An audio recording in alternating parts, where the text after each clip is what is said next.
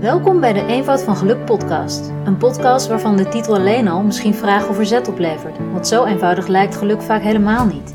Helemaal eens en toch ook helemaal niet. Want natuurlijk ben ik me zeer bewust dat het leven soms heel pijnlijke en moeilijke periodes kent. Het is niet een en al feest. Ik ben Barbara Steenvoorde. Ik heb jaren onderzoek gedaan naar geluk voor mezelf en voor anderen. En ik ontdekte een heilige eenvoud. De lichtheid van het bestaan zit in het doen op jouw manier, naar wie jij bent. De uitdaging is: wie ben jij? Wie ben jij echt? En hoe leef je dat ten volle? Ik ben bevlogen door de waarheid en te leven zo echt als ik maar kan. Zowel persoonlijk als in mijn werk als therapeut, coach en organisatieadviseur ben ik onuitputtelijk op zoek naar de kern van wie wij zijn en naar ons geluk op alle vlakken van het leven. Ik wil uitnodigen, inspireren en helpen om op alle vlakken van het leven jezelf te zijn. En waar je dat niet bent, dit alsnog te creëren. Daarmee zullen wij als volwassenen een bedding vormen voor de generaties na ons, die nu al in alles laten zien dat zij helemaal zichzelf willen kunnen zijn.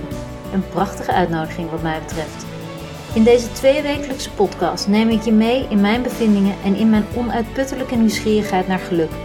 Eenvoud van geluk gaat erom te leven naar de essentie van wie jij bent en daar nooit concessies aan doen.